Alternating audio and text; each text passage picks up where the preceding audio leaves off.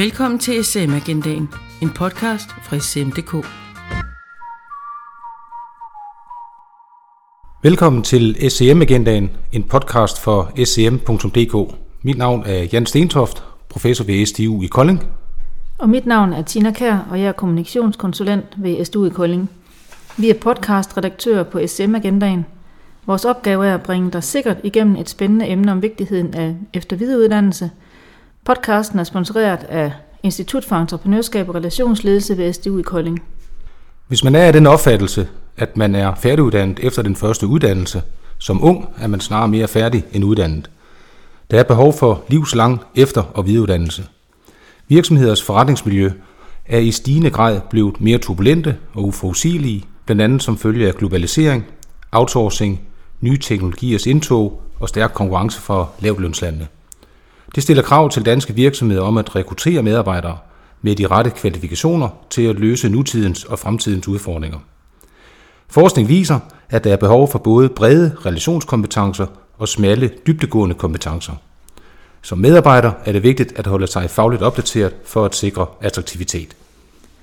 I podcasten deltager professor Per Vagn Freitag og professor Jan Stentoft, begge fra SDU. Velkommen til. Tak. Tak. Per, vil du starte med at sige et par ord om dig selv og dine forsknings- og undervisningsinteresser? Ja, det vil jeg meget gerne. Øh, jeg forsker i business-to-business marketing og har især fokus på salg og marketing som mere bredt, men inden for blandt andet forretningsmodeller, værdi og segmentering er nok der, hvor jeg især har min tyngde. Jeg har også arbejdet med Lean og med Sales Operations Planning igennem en periode, fordi at det er rigtig vigtigt, at øh, man ser lidt på tværs af sit eget fagområde. Og øh, i den forbindelse har jeg selvfølgelig stødt på Jan, fordi det projekt, som jeg taler omkring Sales Operation, det har vi lavet sammen. Og hele tiden har jeg arbejdet meget med øh, værdiskabelse og forretningsmodeller i det gennem de senere år. Blandt andet sammen med grafiske virksomheder, reklamebyråer, som har måttet omstille sig rigtig meget igennem de sidste 10 år. Med hensyn til mit fokus på verdensmålene, så, jamen, så knytter det især sammen med at skabe bæredygtige virksomheder på den længere bane. Og her er det især vandsektoren, som jeg kan sætte mig over, og på de eksportmuligheder, der er, hvis man gør det på den rigtige måde. Jan, vil du også præsentere dig selv og dine forsknings- og undervisningsinteresser? Det vil jeg gerne. Mit øh, fokusområde det er jo altså både forskningsmæssigt og undervisningsmæssigt er inden for supply chain management. Og jeg har altså et særligt fokus på sales operations planning, som Per nævnte lige før, som vi har arbejdet med over de seneste par år. Så, øh, så kigger jeg også på supply chain resilience, som jo netop er aktualiseret i den her covid-19-situation, øh, vi står i. Jeg har fokus på supply chain innovation og anvendelse af nye digitale teknologier, øh, det vi også kalder Industri 4.0, effektivisering af forretningsgangen, altså det er både inde i, på kontorlandskaberne, og så også ude i produktionen, og så noget omkring udflytning og hjemtagning af produktion. Jeg har en anvendelsesorienteret øh, tilgang til det at forske. Altså, det vil sige, at produktionen af den nye viden, den sker i samarbejde med og for private og offentlige organisationer. Så det, der er det interessante for mig, det er den her praktiske øh, relevans, at det skal være relevante spørgsmål, og så efterfølgende få dem formidlet ud til praksis. Og jeg kigger også lidt på nogle verdensmål. Øhm, det er nu at gøre med øh, de her anstændige job og økonomisk vækst, industriel innovation og infrastruktur, bæredygtige byer og lokalsamfund og så ansvarlig forbrug af produktion. Noget af det, der er vigtigt på uddannelserne på universitetet, det er jo, at undervisningen er forskningsbaseret og ikke bare undervisning. Per, hvad er det, man som studerende opnår ved, at undervisningen er forskningsbaseret? Altså en af de helt klare fordele ved, at undervisningen er forskningsbaseret, det er jo, at man møder en forsker. Det vil sige, at man møder en, der har indsigt i, hvordan vidensproduktionsprocessen den foregår. Og herunder også, at man kan få komme bag om skal vi sige, kulisserne. Hvordan foregår det i praksis? Hvordan spiller man egentlig sammen med praksis? Hvordan undersøger man praksis? Og der er der vel nogle klare fordele i forhold til øh, det at møde bare en almindelig underviser. Og dertil kan jeg så supplere, at, øh, at det er også noget med, at man får en, en kritisk, men konstruktiv tilgang altså til det, øh, til det materiale, man skal igennem, altså de her teorier. Og, øh, og egentlig får en indsigt i, hvad, hvad, hvad er god viden egentlig? Altså hvordan, hvordan skaber man altså troværdig viden? Helt klart. Jeg er helt enig, fordi at man kan godt have en indtryk af, at sådan, viden det er sådan noget, der er mejslet i runer. Det står i en sten, og det er, sådan, det er noget, der er sådan sandt en gang for alle. Men viden er jo hele tiden noget, der udvikler sig. Det, fordi man hele tiden bliver klogere på, hvordan virkeligheden er. Og øh, som forsker ved man jo godt, at jamen, det er godt, at man har fundet ud af nogle sammenhæng, men så møder man en ny virksomhed, så møder man nogle nye udfordringer. Jamen så får man behov for at skal bruge de erfaringer, man har i forvejen, men samtidig bliver man også nødt til at udvikle noget ny viden, få nogle nye indsigter. Så det er en vedvarende proces, hvor man hele tiden skal være skarp på, hvad er det for en problemstilling, der rører sig i virkeligheden, og så være skarp på ens teori og metoder, så man kan få det til at spille bedst muligt sammen. Ja. Og det har vi også øh, eksemplificeret for eksempel med vores øh, tidligere forskning inden omkring lean, altså øh, hvor vi jo kunne finde noget litteratur, altså som egentlig kiggede på det her lignende som om, at det var Guds gave til menneskeheden.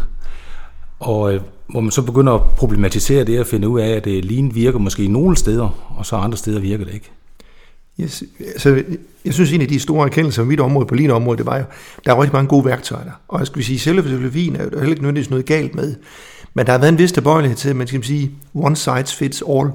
Så det der med at sige, hvornår kan det bruges, hvordan kan det bruges, det er en af de ting, som man får med, hvis man er studerende øh, ved, ved et universitet. Fordi det handler ikke bare om at tage værktøjerne ned, det handler ikke bare om at tage en bestemt filosofi ned, det handler også om at reflektere over og være kritisk i forhold til, hvordan den kan bruges i en given kontekst, og om den kan bruges også i nogle tilfælde. Og der er lige et godt eksempel på noget, som har været brugt rigtig meget, øh, mange gange rigtig godt, men altså også nogle gange, hvor man kan sige, at det er nu det rigtige værktøj og den rigtige tilgang. Så det man i høj grad får ved at tage en, for eksempel en MBA eller en HD på STU, det er, at man med sine erfaringer fra praksis får bygget noget forskningsbaseret teori på, som man så kan gå hjem og anvende i sin virksomhed.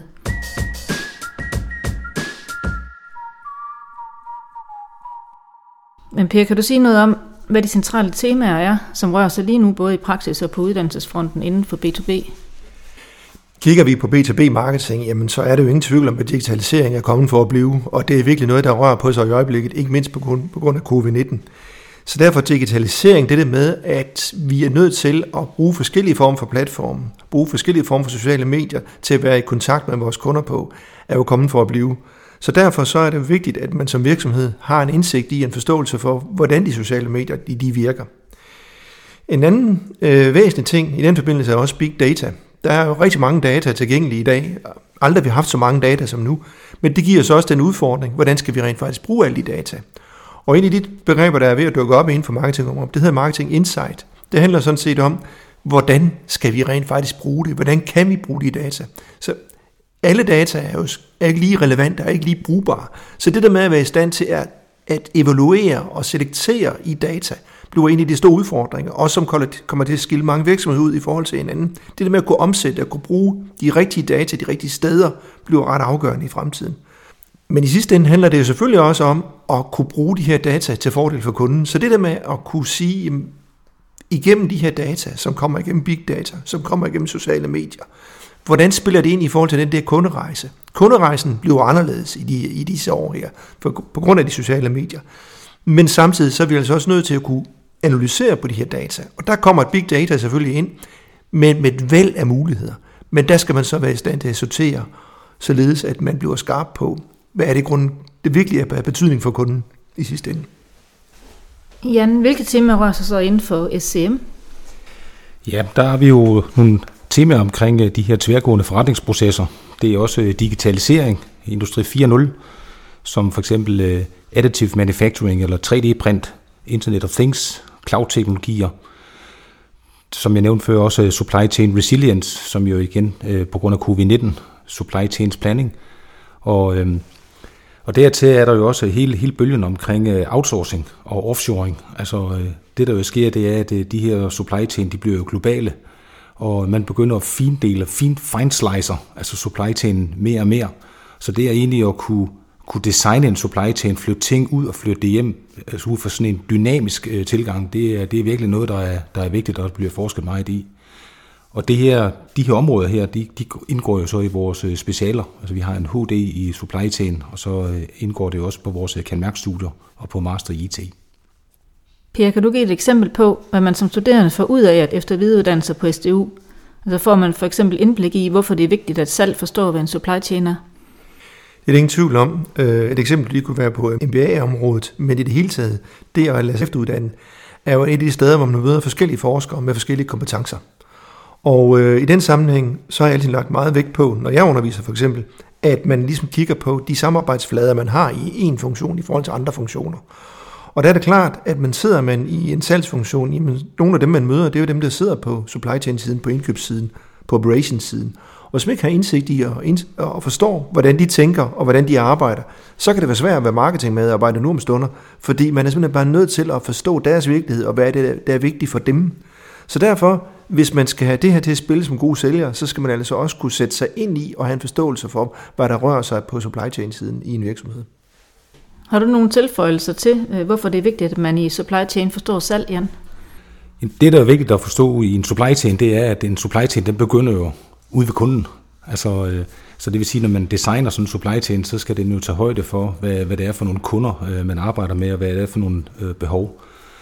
Så den fornemmeste opgave for supply chain, det er jo at levere produkter og serviceydelser lige præcis til kunderne, baseret efter de ønsker og krav, de har. Og så plejer jeg at sige, at øh, salg de sidder jo ligesom forrest i bussen. Øh, det er dem, som har udsynet, det er dem, der har følingen og, og kan se, øh, hvad er, det, hvad er det, der rører sig herude. Og derfor er det jo ligesom vigtigt at få supply chain efterfølgende, det at få designet noget, som hænger op imod, øh, hvad skal man sige, de, øh, de, øh, de, de krav, der kommer fra markedet. Og man kan jo sige, sige det på den anden side, det er, jo, det er jo vigtigt, at det er hunden, der lover med halen, og ikke halen, der lover med hunden. Så øh, derfor mener jeg, at det er vigtigt i en supply chain, at man forstår øh, salget og salgets præmisser. Det er jeg faktisk meget enig i, fordi at øh, Begge sider skal jo have indsigt i hinandens område, hvis man skal optimere det her samspil. Således at indkøb operations er med til at øh, sørge for, at de rigtige varer er til stede. Omvendt, så skal man jo også være i stand til at sælge de varer, man så har. Så det der med at kunne koble, skal vi sige, produktionssiden med salgssiden og have indsigt i, hvad er det, der rører sig begge steder, er ret vigtigt for en øh, god salgsfunktion. Så det at kunne forecaste, det med at kunne forstå, ikke kun i stykke men også i, hvad er det for nogle produkter, hvad er det for nogle ydelser, der efterspørges, og hvilke konsekvenser har det så for, øh, for operations og for hele indkøbssiden, er jo ret vigtigt. For ellers risikerer man altså, at man har godt nok solgt noget, det er gået rigtig godt på salget måske, men i sidste ende, så kan man ikke, er man ikke i stand til at levere, fordi man har glemt ligesom at tage operations, tage hele indkøbsfunktionen med i den her rejse, man er på. Og derfor så står man svagt faktisk i forhold til at stå stærkt i, i konkurrencen. Og der er jo Sales Operations Planning jo et rigtig godt eksempel på et område, der er med til at bygge bro og skabe den her sammenhæng. Det projekt, vi har arbejdet sammen omkring, øh, har givet meget rigtig god indsigt i, øh, hvad er det, der rører sig på, på, på, på supply chain-siden, og omvendt også, hvor er de vigtige koblingspunkter, øh, når jeg sidder i selv marketingfunktionen og skal give information bagud i systemet. Og lige præcis i det her projekt, som jeg også synes var, var rigtig spændende, hvor man kunne se vigtigheden af at få, få balanceret øh, frontenden med, med supply chainen. Der var, fandt vi jo blandt andet nogle, en række succeskriterier for at få det øh, ført ud i livet. Og noget af det, der er det helt afgørende, det er jo, at topledelsen er med. Altså ligesom får det her løftet op og kan se ned over det her, så vi undgår de her siloer.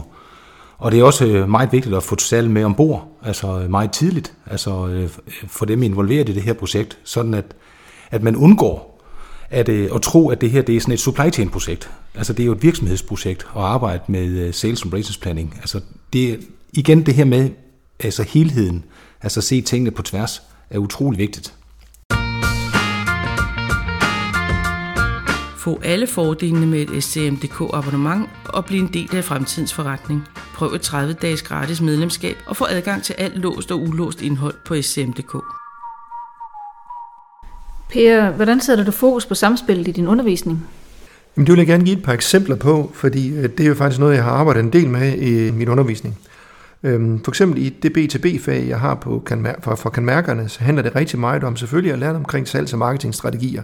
Det er klart, når faget nu hedder B2B-marketing, så skal det selvfølgelig også lære omkring B2B-marketing. Men samtidig så er man også nødt til at vide, hvem er det, som man sidder overfor. Hvem er det, man møder, hvis man er sælger, hvis man er marketingperson. Og der er øh, indkøbsfunktionen jo helt afgørende.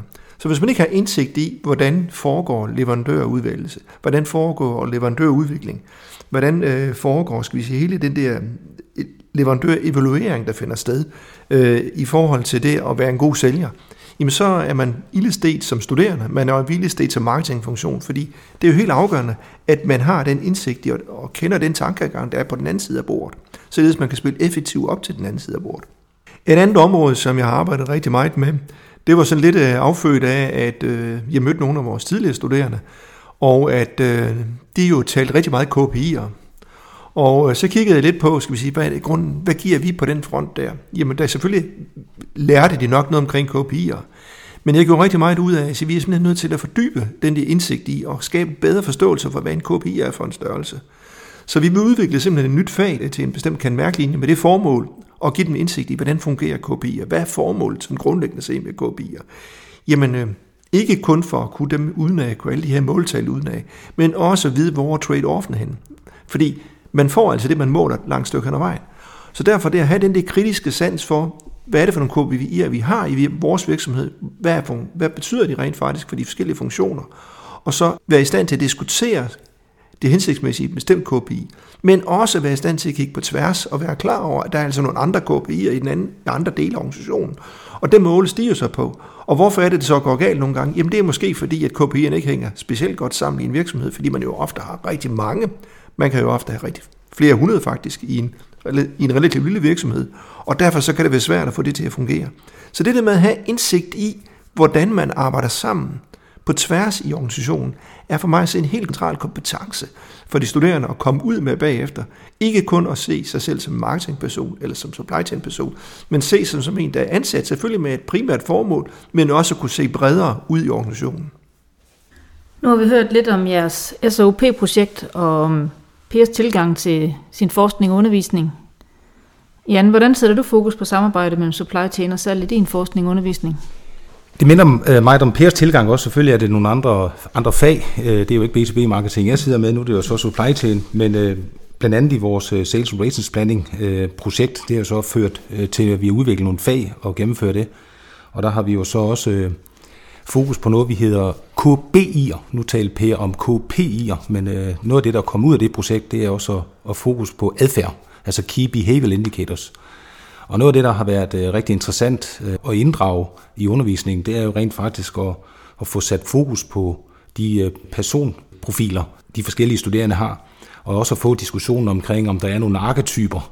Altså er der sådan nogle mere operationsorienteret kontra nogle, som er mere salgsorienteret, og det at få den indsigt i, hvad, hvad er det, hvad, hvordan er det, at sælge og tænker.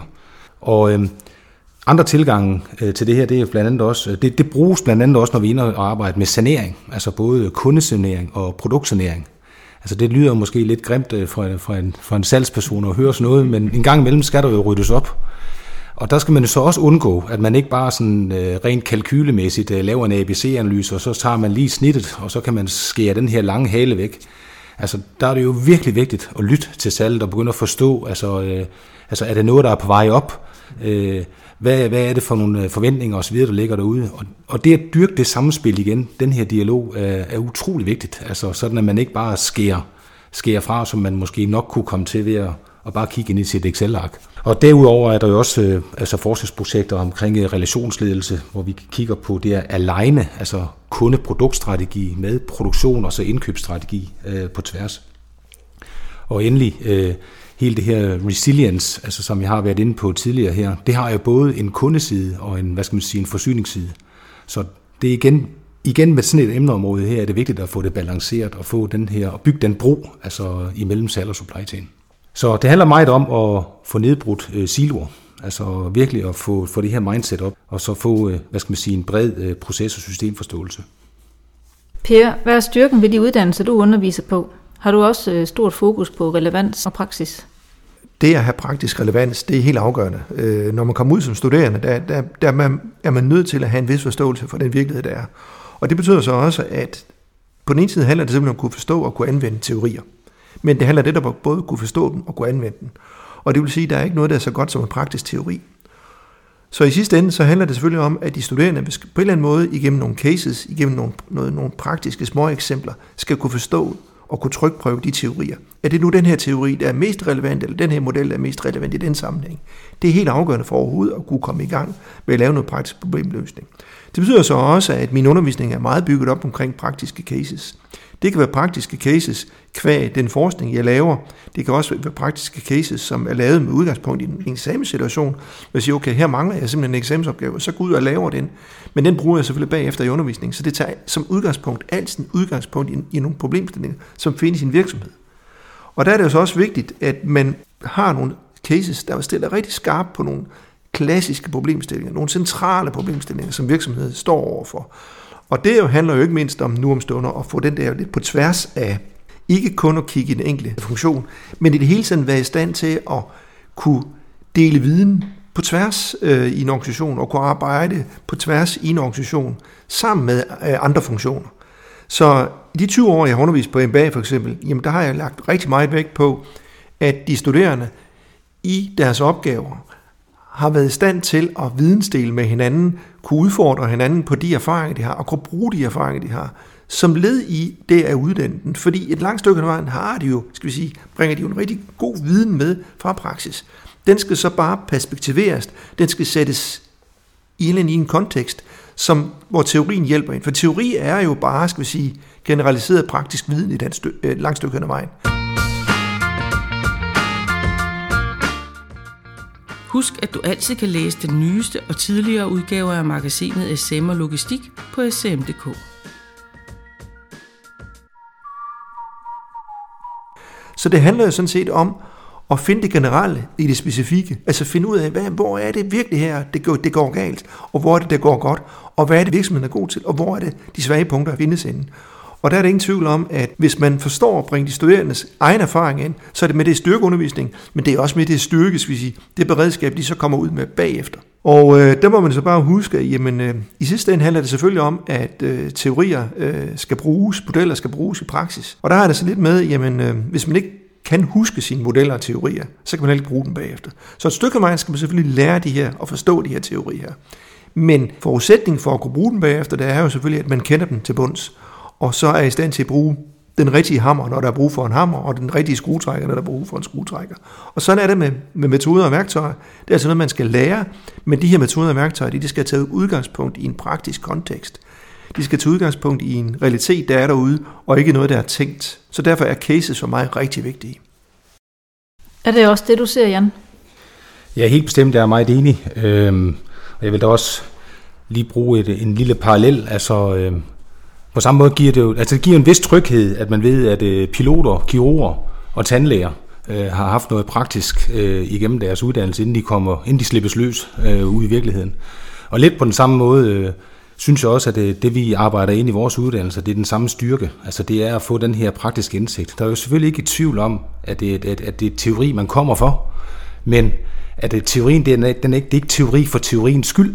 Altså, den her teori skal rent faktisk øh, kunne bruges til noget og omsættes, og så tilpasses øh, den praktiske situation. Det, der er styrken her, det er også sagt med en anden metafor. Hvis man ikke ved, hvordan rav ser ud, så er det svært at finde rav. Altså, så, så det vi jo giver øh, de studerende her nu, det er jo, hvad er det, jeg skal kigge efter? Altså i form af metoder og værktøjer, sådan at man rent faktisk øh, kan gå hjem og gøre noget ved det. Man kan simpelthen tage de her, øh, det man lærer her, og direkte gå ud i en virksomhed og så gøre noget ved det og kan finde det. Og det, det sker jo også igennem de her praktiske cases.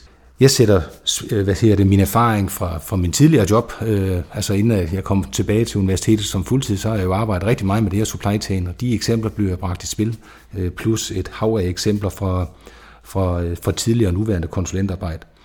Og igen er jeg også meget enig med Per omkring det her med netværk, altså med andre. Altså det, når vi har studerende, altså ikke, ikke, ikke nødvendigvis de fuldtidsstuderende, men, men øh, dem, som kommer ind med en praktisk baggrund. Altså de halvdelen af det, de får med herfra, det er jo også et fremragende netværk, som de kan lære af og øh, ved at høre på andres øh, udfordringer. Og så øh, er det jo også øh, helt fantastisk, når man også hører fra studerende, når de er færdige. Altså det, det er de rigtig gode til, rent faktisk at lige skrive, øh, når man nu, nu har jeg så fået øh, et nyt job. Nu er jeg steget i ansvarsområdet igen, og, og, og det der med rent faktisk, at de skriver tilbage om, hvordan de bruger, øh, hvad skal man sige, det de har lært. Så det er, det er i hvert fald øh, en rigtig rar ting. Jamen det må virkelig være stærkt, når de studerende de rykker sig og implementerer i praksis. Hvilke særlige vigtige kompetencer ser du inden for salg i dag, Per? Det kommer så an på, hvad er det for typer salg, vi taler om, og for de salgssituationer, det man sælger er forskellige. Når det så er sagt, så handler det selvfølgelig også om, at man skal have en, nogle af de klassiske dyder på plads. Det vil sige, at man skal vide, hvad er det for et behov, som kunden har. Hvad er det for nogle udfordringer, kunden står med. Det handler selvfølgelig om at have et godt produkt eller serviceindsigt. Hvad er det grund, man sælger? Hvad er det, det kan? Og så videre, og så videre. Men ikke mindst at kunne sætte sig i den anden persons situation og kunne have indsigt i, hvordan den fungerer. Det er ret afgørende, skal vi sige, at man ikke kun står der og skal have noget over bordet, men man også er i stand til at sætte sig på den anden side af bordet. Hvad er det i grunden, den anden står for mine udfordringer? Og det vil sige, er i stand til at se lidt på tværs, ikke kun i egen organisation, men også på tværs af organisationen. Hvad er det for nogle udfordringer, vi hjælper med at løse? Hvad er det for udfordringer, den anden part står med i sin egen organisation? Så det er et tværfaglig forståelse. Det handler ikke kun om i egen virksomhed, men også på tværs af virksomheden at have den indsigt. Jan, hvad er de særlig vigtige kompetencer inden for supply chain? Supply chain-området er jo ret bredt, øh, men, men noget af det, jeg ser i hvert fald også igennem øh, nogle undersøgelser, øh, jeg gennemfører i det, vi kalder det danske supply chain-panel, der kan man se, at nogle af de emner, altså, som virkelig, som der efterspørgsel efter, det er demand forecasting, altså det er virkelig at få styr på, på efterspørgelsen. Det er sales and business planning, det er leverandørsamarbejde og risk, det er total cost of ownership og supply chain resilience. Det er noget af det, der scorer de højeste, altså øh, gennemsnitsscore, ud fra, hvad skal man sige, opfattet vigtighed af de her områder. Og på det personlige plan, der peger panelet på, at det, det er vigtige kompetenceområder inden omkring øh, kulturforståelse. Det er kommunikation, øh, problemløsning og tværorganisatorisk øh, samarbejde. Så igen, den her kommunikation på tværs altså, øh, er virkelig vigtigt, altså når, når man kommer ud øh, og skal begå sig både i små og, og i store organisationer. Og i foråret sidste år, altså 2020, øh, gennemførte jeg en større spørgeskemaundersøgelse, hvor der var mere end 500 praktikere inden for supply chain, som deltog. Og der er egentlig ud af de øh, resultater, der en, en anerkendelse af, at der er et behov for, for efter- og videreuddannelse inden for supply chain-området. Men øh, samtidig peger undersøgelsen også på, at øh, de største barriere øh, for egentlig at gøre noget ved det, det er, at øh, der er simpelthen manglende tid. Altså man har alt for meget fokus på, på sit arbejde. Så øh, her der er der i hvert fald også et vigtigt signal om, at, øh, at, at man gør noget ved det. Altså man kommer ud af det hamsterhjul, og ligesom at, at få, få gjort noget ved det. Hvordan ser du på det, Per? Hvordan ser fremtidens arbejdsmarked for salg ud, øh, og hvordan ruster man sig bedst til det? Jamen altså, salg flytter sig jo rigtig meget i de år her, og øh, jeg har været inde på, at sociale medier, det er Internet of Things, eller hvad vi nu kalder det, det er virkelig der, hvor man er nødt til at være med og med på beatet, fordi de forskellige platforme, man kommer til at bruge fremadrettet, vil være alt afgørende for salget. Så stadigvæk personlig salg, stadigvæk det at deltage i messer osv. er vigtigt. Men den der bredere tilgang til at arbejde med de sociale medier og de forskellige platforme, der findes, bliver alt afgørende øh, for en sælger, for salget i det hele taget. Samtidig med det, så er det det der med at tænke tværfagligt. Tænke kommunikation ikke kun i forhold til salg marketing, men også tænke kommunikation på tværs i egen organisation og på tværs i den, kø, i den købende organisation, altså det man står overfor. Så det med at kunne gå, gå bredere ud øh, som i salget og tænke hele organisationen, hele egen organisation, men også hele den købende organisation, bliver ret afgørende øh, kompetence fremadrettet. Og herunder ikke mindst kunne støtte sig på de sociale medier. Og Jan, hvordan ser du arbejdsmarkedet inden for supply chain? Ja, altså jagten på øh, talenter, den er gået ind. Jeg ser øh, både et specialistspor, sådan mere, hvor man virkelig er dygtig, altså inden for nogle, øh, nogle meget snævre områder, for eksempel øh, data analytics, og, og begynder at arbejde med, med de her forskellige salgsdata, og så over imod big data og så videre, og virkelig begynder at kan se nogle mønstre i det. Det er sådan et mere specialistspor, eller det kunne også være planlægning, øh, det kunne også være øh, inden for indkøb. Det, det er den ene side, den anden side, det det er, det er så mere generalistspor, eller et ledelsespor, altså hvor, man, hvor, hvor noget af det, der er rigtig vigtigt, det er jo som vi har været inde på nogle gange her, det er, det er at kunne samarbejde og, og kunne, kunne se på tværs. Og det er specielt vigtigt også, fordi øh, de her supply chain, de bliver mere og mere komplekse, og samtidig med, at øh, de globaliserer, og som jeg var inde på, også fører med fine slicing. Og det vil sige, at verden er jo ikke statisk, den er jo dynamisk. Så det er hele tiden at kunne, øh, kunne overvåge det her og se, hvorhen skal vi nu øh, sætte ind øh, for at sikre, at vi rent faktisk også får de råvarer, vi skal bruge, og vi rent faktisk også kan levere de produkter og serviceydelser til, som kunden ønsker. Så helhedsforståelsen er utrolig vigtigt mellem salg og så supply chain. Der skal to til tango, og det er vigtigt at forstå, at det her det går synkront. Og så er der jo selvfølgelig også hele krav til, at virksomhederne de er mere omstillingsparate, og den her kulturforståelse og innovationskraft. Så det er, det er nogle af de ting, som, altså, hvor jeg kan se, at arbejdsmarkedet virkelig det rykker sig inden for supply chain-området. Så hvis I lige skal opsummere, hvad er så nogle af de vigtigste ting, man får med sig ved at efter videreuddanne sig? Aktuel, formaliseret viden, det vil sige ikke kun sådan ens egen erfaringer, de kan være rigtig gode, men man får noget viden på det, på et højere og mere generelt niveau. Det er det ingen tvivl om. Derudover så bliver man også lidt udsat for, skal vi sige, nogle andres erfaringer. Så det var en af de rigtig gode ting. Og endelig, det at blive udsat for andres erfaringer, gør også, skal vi sige, hvad er det i grunden, vi gør? Gør vi nu det rigtige? Så det stiller spørgsmålstegn ved ens egen praksis, og med til udviklingens egen praksis. Det vil nok være, skal vi sige, det vil jeg sige, det er det største takeaway i den sammenhæng. Ja, jeg er helt enig, og så kan man så supplere med, at det, det er jo heldigvis for de fleste jo også er, hvad skal man sige, en øh, personlig rejse. Altså det er jo, det er jo en personlig udvikling at gå igennem sådan en uddannelse. Og med de ord er vi nu nået til vejs ende med denne podcast om eftervidereuddannelse. Tak til dig, Per, for din medvirken, og tak til dig, Jan. Du kan læse mere om forskellige muligheder for eftervidereuddannelse på stu.dk-efteruddannelse, på genhør på SM-agendaen på sm.dk. Podcasten er sponsoreret af Institut for Entreprenørskab og Relationsledelse ved SDU i Kolding. Du har lyttet til SM-agendaen, en podcast fra SM.dk.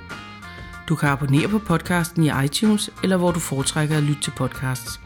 Søg blot efter sm.dk eller sm Nytord Agendaen.